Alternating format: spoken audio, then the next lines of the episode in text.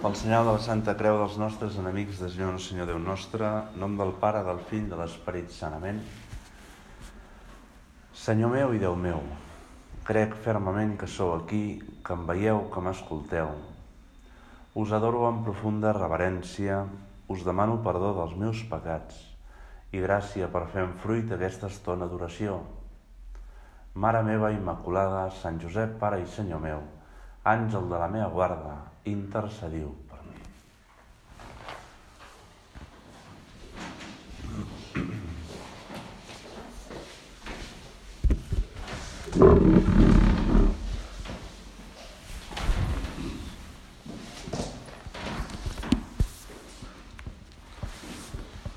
Felip era de Betsaida, com varis dels apòstols. Betsaida era una petita ciutat al costat del mar de Genesaret, una miqueta més al nord, est de Cafarnaum, uns quants quilòmetres més amunt. Pel que llegim a l'Evangeli, podem pensar que Felip tenia aquesta inquietud interior que tots tenim de joves, que es pot perdre quan ens fem grans. La inquietud interior de, de fer coses grans, de fer una vida útil, de deixar, deja poso, no? que no sigui una vida estèril, que diria el nostre pare. No? A vegades en alguna entrevista amb una persona important et diuen alguna cosa així de jo de petit tenia la idea de que havia de fer alguna cosa gran a la vida i mira, aquí ho tens, no ho he fet, no? fundadors de grans companyies. No? Tots tenim aquest anel, aquest desig en el fons del cor, aquesta inquietud. I potser es va apagant. Déu ens ha creat per estimar-lo, tractar-lo de tu a tu, estar al seu nivell, jugar a primera divisió. D'aquesta inquietud en parla molt bé poèticament Sant Agustí. Ens vas fer, Senyor, per tu. El nostre cor està inquiet fins que descansi en tu. És un anel profund interior, un desig, Senyor, que tenim de tu.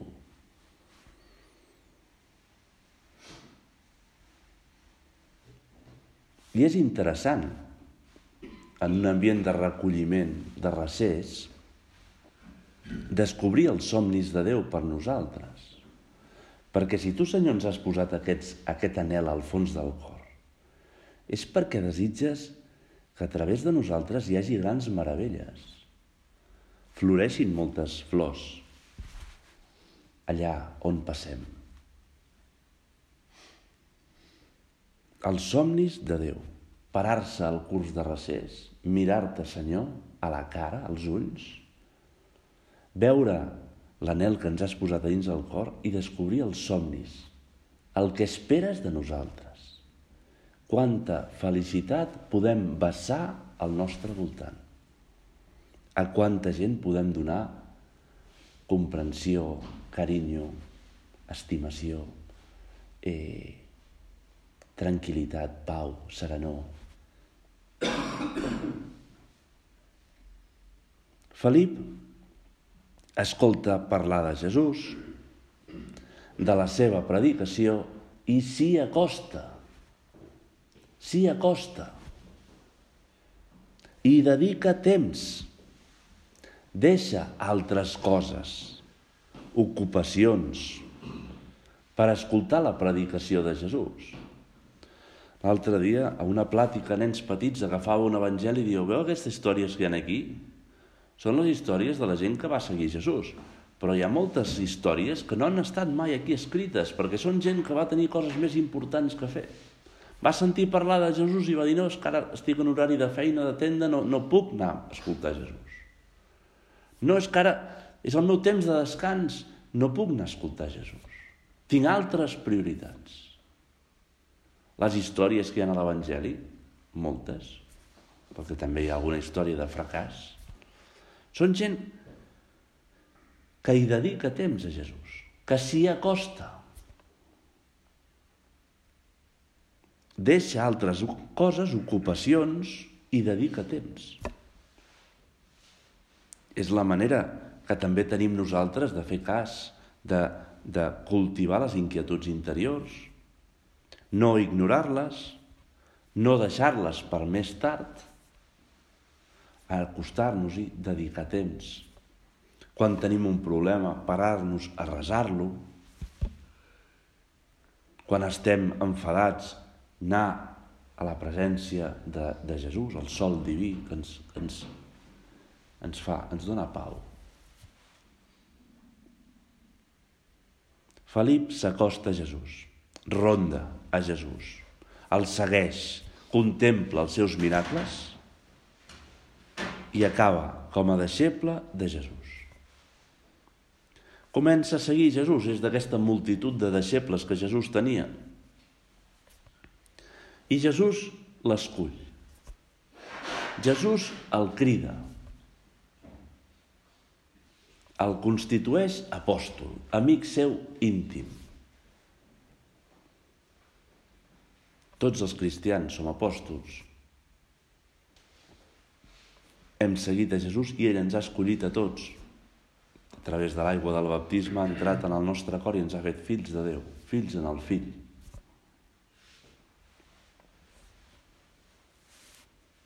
I volia fixar-me en un episodi de la vida de Felip, així ho explica l'Evangeli. L'endemà, Jesús resolgué sortir cap a Galilea. Trobà Felip i li diu, segueix-me. Llavors Felip, que era de Betsaida, el poble d'Andreu i de Pere, va trobar Natanael i li digué, hem trobat aquell de qui va escriure Moisès en el llibre de la llei i també dels profetes. És Jesús, el fill de Josep de Nazaret. La història es complica. Natanael li diu, de Nazaret pot sortir res de bo? Felip li contesta, vine i ho veuràs. Felip està emocionat davant la sort de la crida de Jesús. Vine i segueix-me. Aquesta és la vocació cristiana. Segueix-me. Estigues amb mi, està amb mi. I enviat, fer apostolat. Vine, segueix-me. Una il·lusió immensa ha omplert el cor de Felip aquest regal immerescut de l'amistat personal íntima amb Jesús.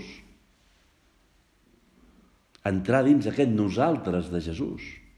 La intimitat de ser família de Jesús, de viure amb Jesús. Aquest cor inquiet que té deu estar ple de felicitat. Però no es tanca en si mateix.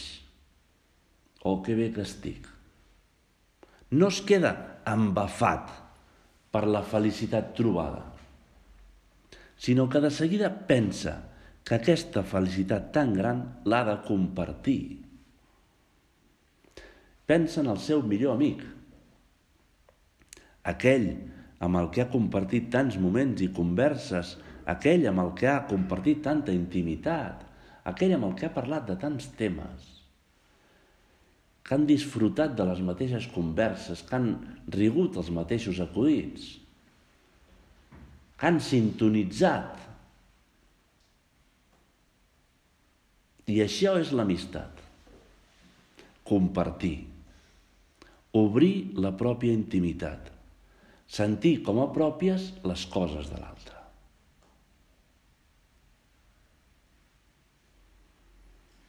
No sé si és l'individualisme en el que estem avui en dia. les ferides que rebem, però vivim molt tancats. Estem com amb aquestes escafandres que fan servir els submarinistes de gran profunditat. I ens costa compartir, ens costa ser amics dels amics. Ens costa tenir molts amics.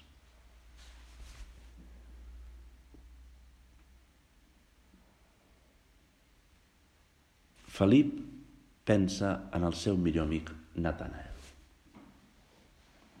Segur que Jesús, contemplant a Felip, que de seguida va buscar Natanael, es devia commoure. Un cor que sap estimar. Ha entrat en sintonia amb aquest Jesús que ha vingut a la terra a buscar amics.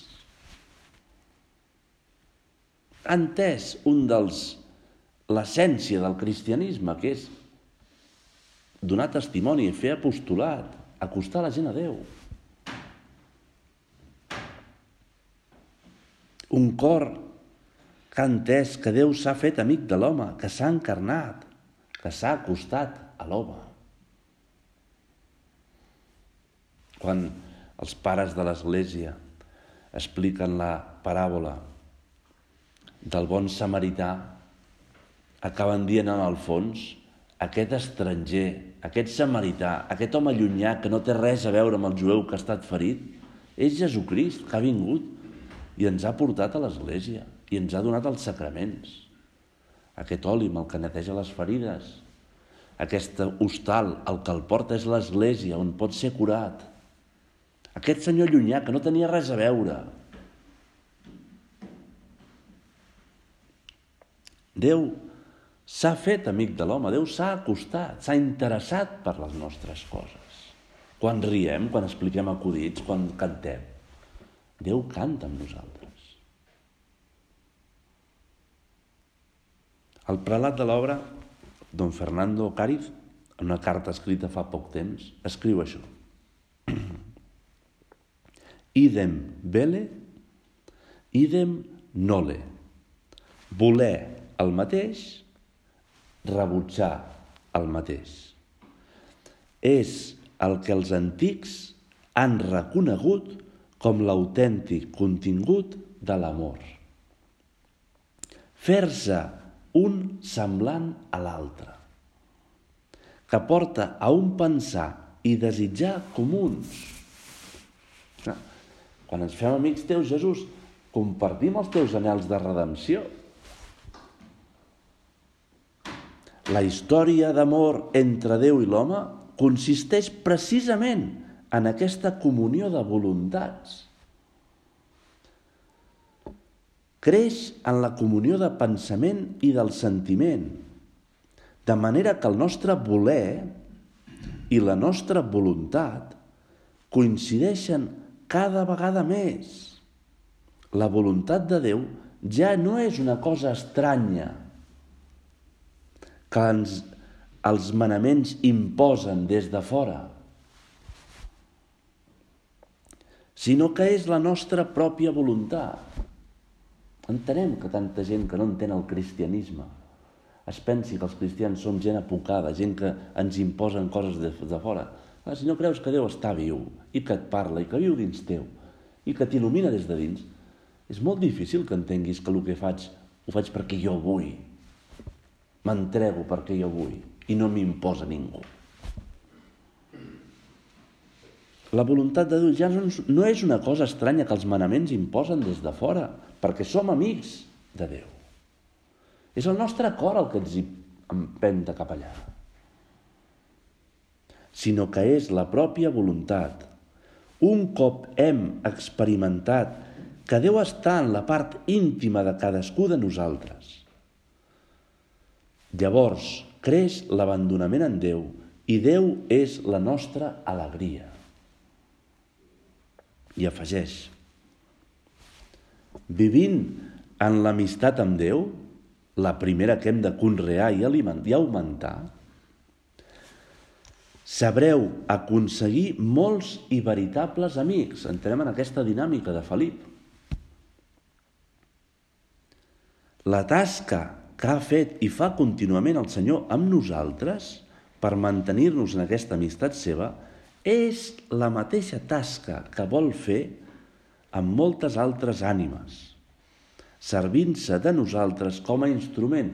Som Crist que passa. Som una perllongació de Crist. Som un trosset de Crist enmig dels homes, que ve a redimir, que ve a salvar, que ve a donar sentit a la vida dels homes, a donar llum enmig de la foscor. Hi ha una anècdota que és molt simpàtica. És una llegenda que va explicar un, un ortodoxe, un, una espècie de bisbe ortodoxe en unes vespres a Sant Pau Extramurs fa molts anys, una acció ecumènica. I va dir que hi ha una llegenda a Rússia, que és que quan Jesús pujava al cel, després d'haver dit als apòstols, aneu al món sencer i prediqueu l'Evangeli. Vosaltres dotze, vosaltres onze i la Mare de Déu, aneu al món sencer i prediqueu l'Evangeli. Jesús pujava cap al cel i baixava del cel l'àngel Gabriel, l'encarregat de les missions terrestres. I pujaven pel mateix lloc i es van trobar a mig camí i van parar a xerrar. És una llegenda. I diu que l'arcàngel Gabriel li va preguntar què són aquestes 12 llumetes que hi ha a la terra tan petites, tan petites que sembla que es vulguin apagar amb una terra immensa amb tanta foscor. Diu, són els apòstols i la meva mare que estan allà i que han de portar aquesta llum a tota la terra. I l'àngel se'l va mirar amb una cara així dient, i què passa si el teu plan falla? Perquè és que és molt petita la llum i molt negra la foscor. Què passa si el teu plan falla? Tens plan B? I Jesús li va dir, no hi ha cap altre plan. I ja van engegar l'ascensor i un cap avall i l'altre cap amunt. No? Nosaltres som aquesta llumeta que ha d'encendre de llum tot el, el món.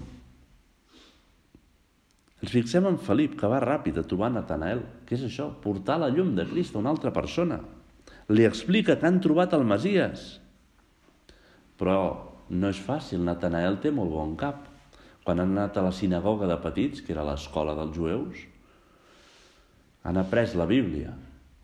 Hi ha alguns que estaven més distrets, que es dedicaven a tocar l'equipada al de davant i, i a moure-la, eh, o fer boletes de paper i tirar-les cap als altres, hi ha alguns que estaven allà aprenent-se la Bíblia. Natanel era d'aquests, es va prendre la Bíblia ben apresa. I a la Bíblia no surt Nazaret per a nada, per ninguna cosa bona. Per això, amb confiança d'amic, li diu a Felip, amb, amb la por de trencar-li l'alegria que té Felip a dins, dius, de Nazaret, pot sortir res de bo.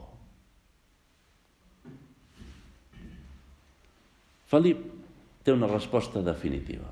Tu ets l'intel·ligent, tu ets el savi, tu ets el que estaves atent a la sinagoga, però ets el meu amic. Soc el teu amic o no? Vine i ho veuràs. Vine i ho veuràs, que l'apostolat no és ensenyar des de sobre, l'apostolat és amistat. L'apostolat és estimar. No és tenir molts arguments, que també, eh, si es pot. No calien arguments, calia només amistat. I així, contemplant a Felip, que va buscar el seu millor amic per compartir la seva felicitat, pensem que també nosaltres, Jesús, hem d'aprendre a compartir la pròpia interioritat, a no tancar-nos amb aquesta escafandra de l'individualisme, de l'activisme en el que vivim, que no tenim temps per, per, per fer una cervesa amb un amic.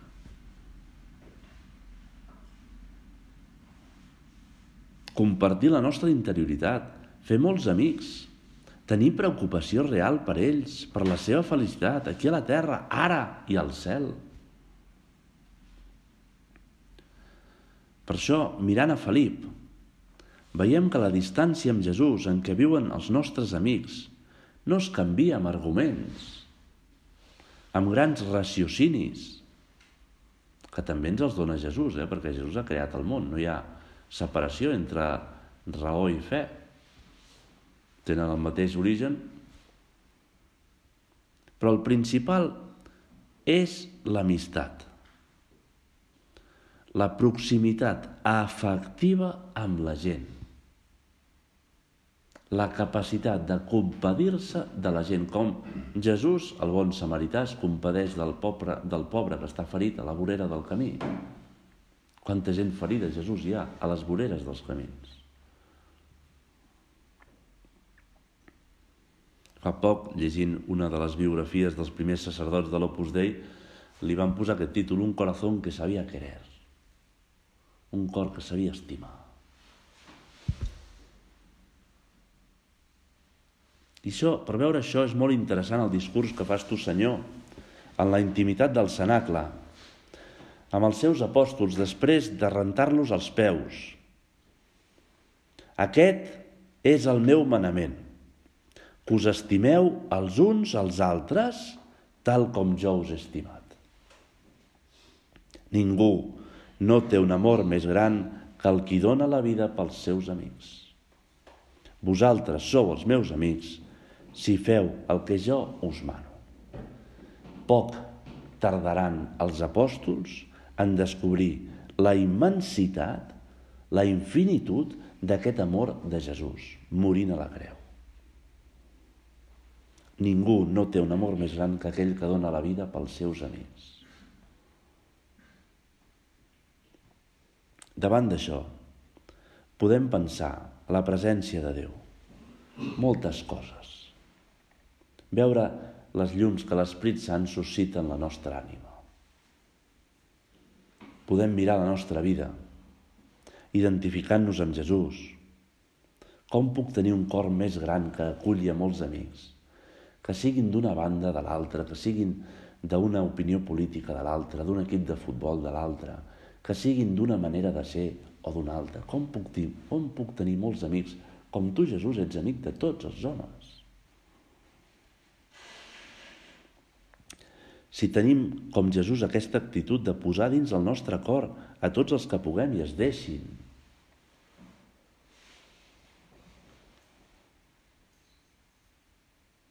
És, és, és maca eh, veure la reacció d'Esteve de, de, quan, el, quan el, el martiritzen, que diu Senyor, no els hi tinguis en compte aquest pecat, el que em sap greu són ells. O sigui, estic tan obert a la seva amistat que el que em sap greu és que no hagi aconseguit convèncer-los amb el discurs que he fet abans.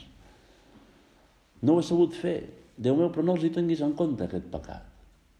Quan ens fareixen, quan ens insulten, quan ens molesten, el que ens ha de doldre és el mal que es fan a l'ànima, la gent. No la ferida que la soberbia ens fa a nosaltres. Perquè volem estimar.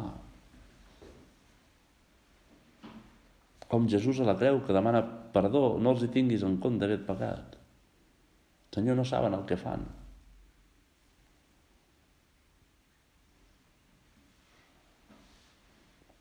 És molt interessant el que explica el papa Benet XVI a la gran carta Deus Caritas és, que és una joia.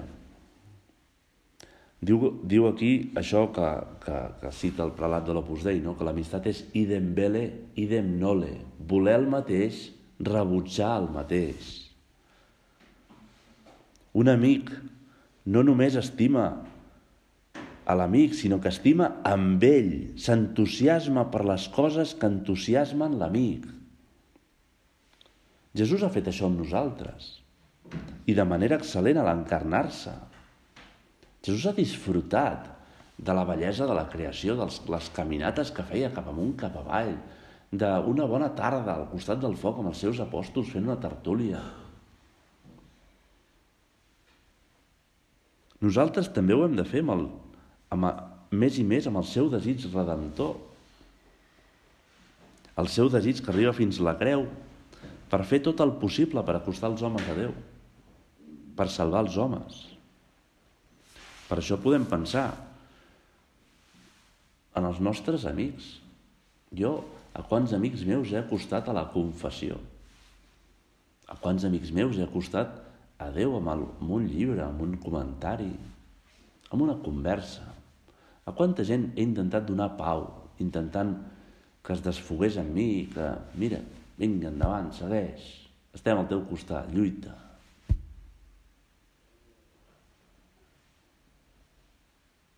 Vivim en una societat cada cop més individualista, molt autosuficient, Sembla que uns no necessiten dels altres, però no és veritat, però no és veritat. L'amor fa que siguem captaires de l'amor dels altres. Ho expressa molt bé Mare Santa Teresa de Calcuta, Mare Teresa de Calcuta. Ho expressa amb, amb una carta que va escriure a les monges, amb una homilia, una espècie de, de reflexió, meditació, eh, ficant-se en el cor de Jesús i, i expressant en paraules el que sent Jesús per nosaltres. I diu així, el que li fa sentir l'amor de Jesús per nosaltres expressat en paraules. Tinc set de tu. Sí, aquesta és l'única manera amb què només puc començar a descriure el meu amor. Tinc set de tu. Tinc set d'estimar-te i de que tu m'estimis Ets tan preciós per mi que tinc set de tu. Vine amb mi i ompliré el teu cor i curaré les teves ferides. Et faré una nova creació i et donaré pau en les teves proves. Tinc set de tu. És un paràgraf. La carta doncs, en té cinc o sis de paràgrafs i si mireu a Google i dieu Madre Teresa, I thirst for you, us sortirà tota la carta perquè és molt famosa. Però aquestes paraules les diu Jesús basant el seu amor a nosaltres. Aquestes paraules les hem de dir nosaltres, en els nostres amics. Tinc set de tu, ets preciós als meus ulls, et necessito. Sense tu em falta una cosa, em falta algo essencial a mi. Això és l'amor.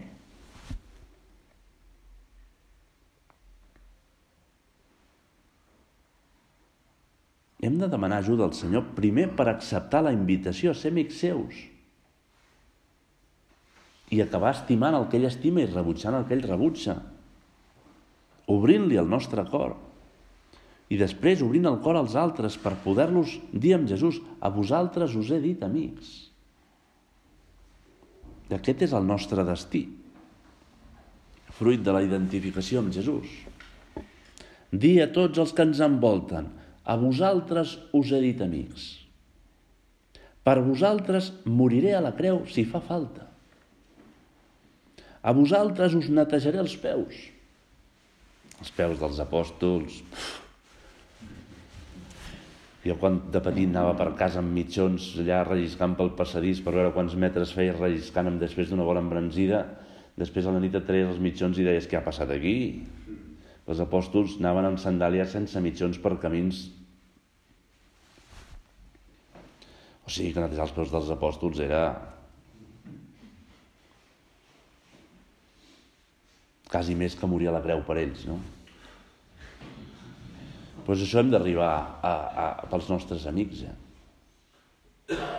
Per cada un pensi el que pensi, sigui com sigui, perquè a vegades la gent està ferida i la gent fa coses que dius, pff, el que haurà patit aquest tio. Les ferides psicològiques, psíquic, psíquiques i psiquiàtriques que té la gent, no? les ferides que té la gent. No? Lo principal per nosaltres és posar-nos de veritat davant del Senyor, davant teu, Senyor. I veure que és ell qui ens ho demana.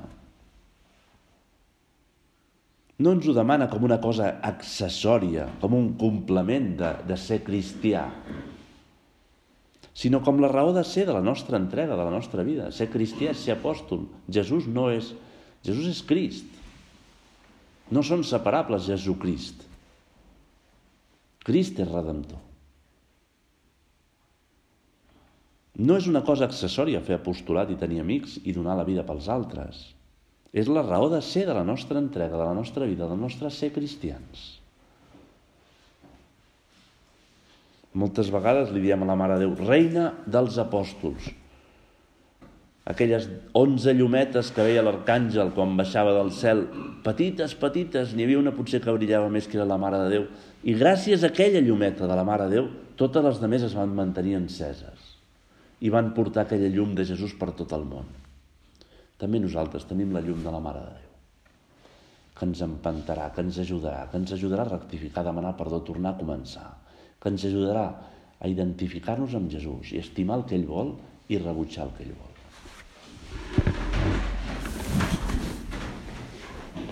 Us dono gràcies, Déu meu, pels bons propòsits, afectes, inspiracions que m'heu comunicat en aquesta meditació. Us demano ajuda per posar-los per obra. Mare meva Immaculada, Sant Josep, Pare i Senyor meu, àngel de la meva guarda, intercediu per